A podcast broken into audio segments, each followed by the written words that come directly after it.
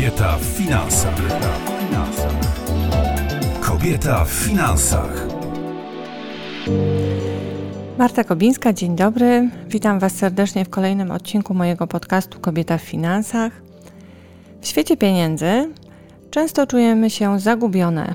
Uczucia, które wywołują w nas pieniądze, są tłumione, szczególnie te nieprzyjemne. Sądzimy, że życie jest niesprawiedliwe i często czujemy się przegrane. Oswajając to zagadnienie w dzisiejszym odcinku, chciałabym Wam opowiedzieć, jakie są trzy podstawowe funkcje pieniędzy.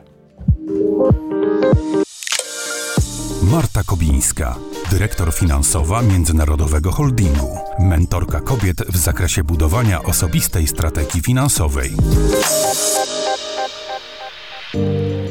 Jak często wydaje Ci się, że inni posiadają więcej niż Ty? Albo jak często czujesz się wykorzystywana lub niepotrzebna. Przyjrzyjmy się funkcjom, jakie spełniają pieniądze.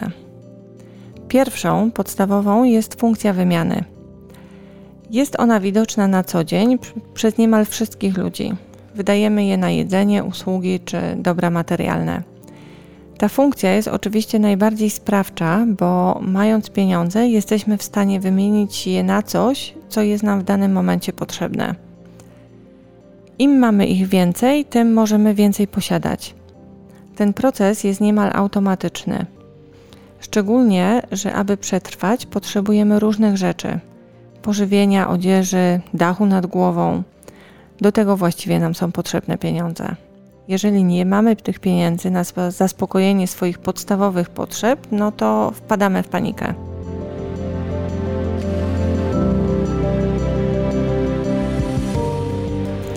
Drugą funkcją pieniędzy jest funkcja oszczędzania.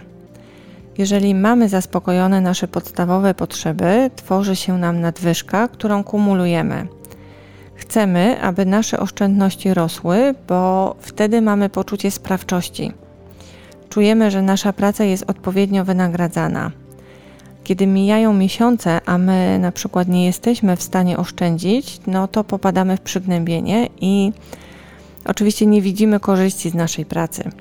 Jest to efekt tego, że naszą wartość jako człowieka postrzegamy właśnie przez pryzmat pieniędzy. O poczuciu własnej wartości w kontekście pieniędzy powiem Wam w kolejnych odcinkach, także śledźcie uważnie.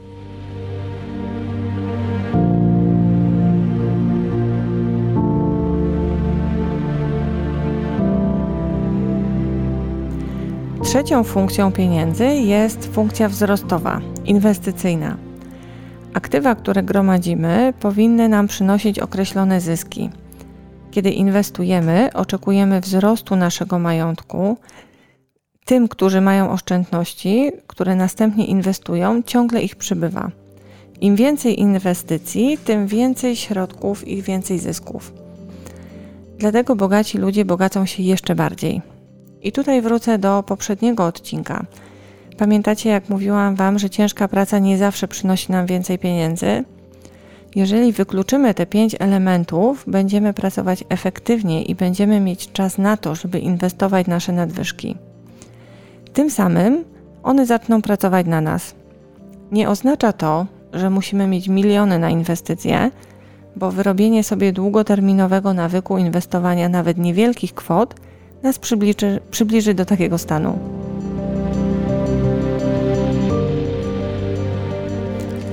A co jeżeli nic nam nie zostaje? Powiesz, że ciężko pracujesz i nic na koniec miesiąca ci nie zostanie. W takiej sytuacji trzeba przeanalizować ten stan rzeczy na wielu płaszczyznach. Nic nam nie da obwinianie innych, bo to w żaden sposób nie poprawi naszej sytuacji. Posłuchaj odcinków o wzięciu odpowiedzialności za swoje finanse i gwarantuję Ci, że stopniowo wprowadzane zmiany doprowadzą Cię do wolności finansowej.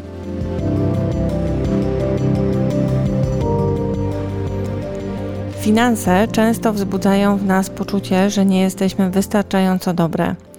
Zauważ, że te odczucia nie sprawiają, że przestajemy pragnąć pieniędzy. Chcemy ich więcej i więcej.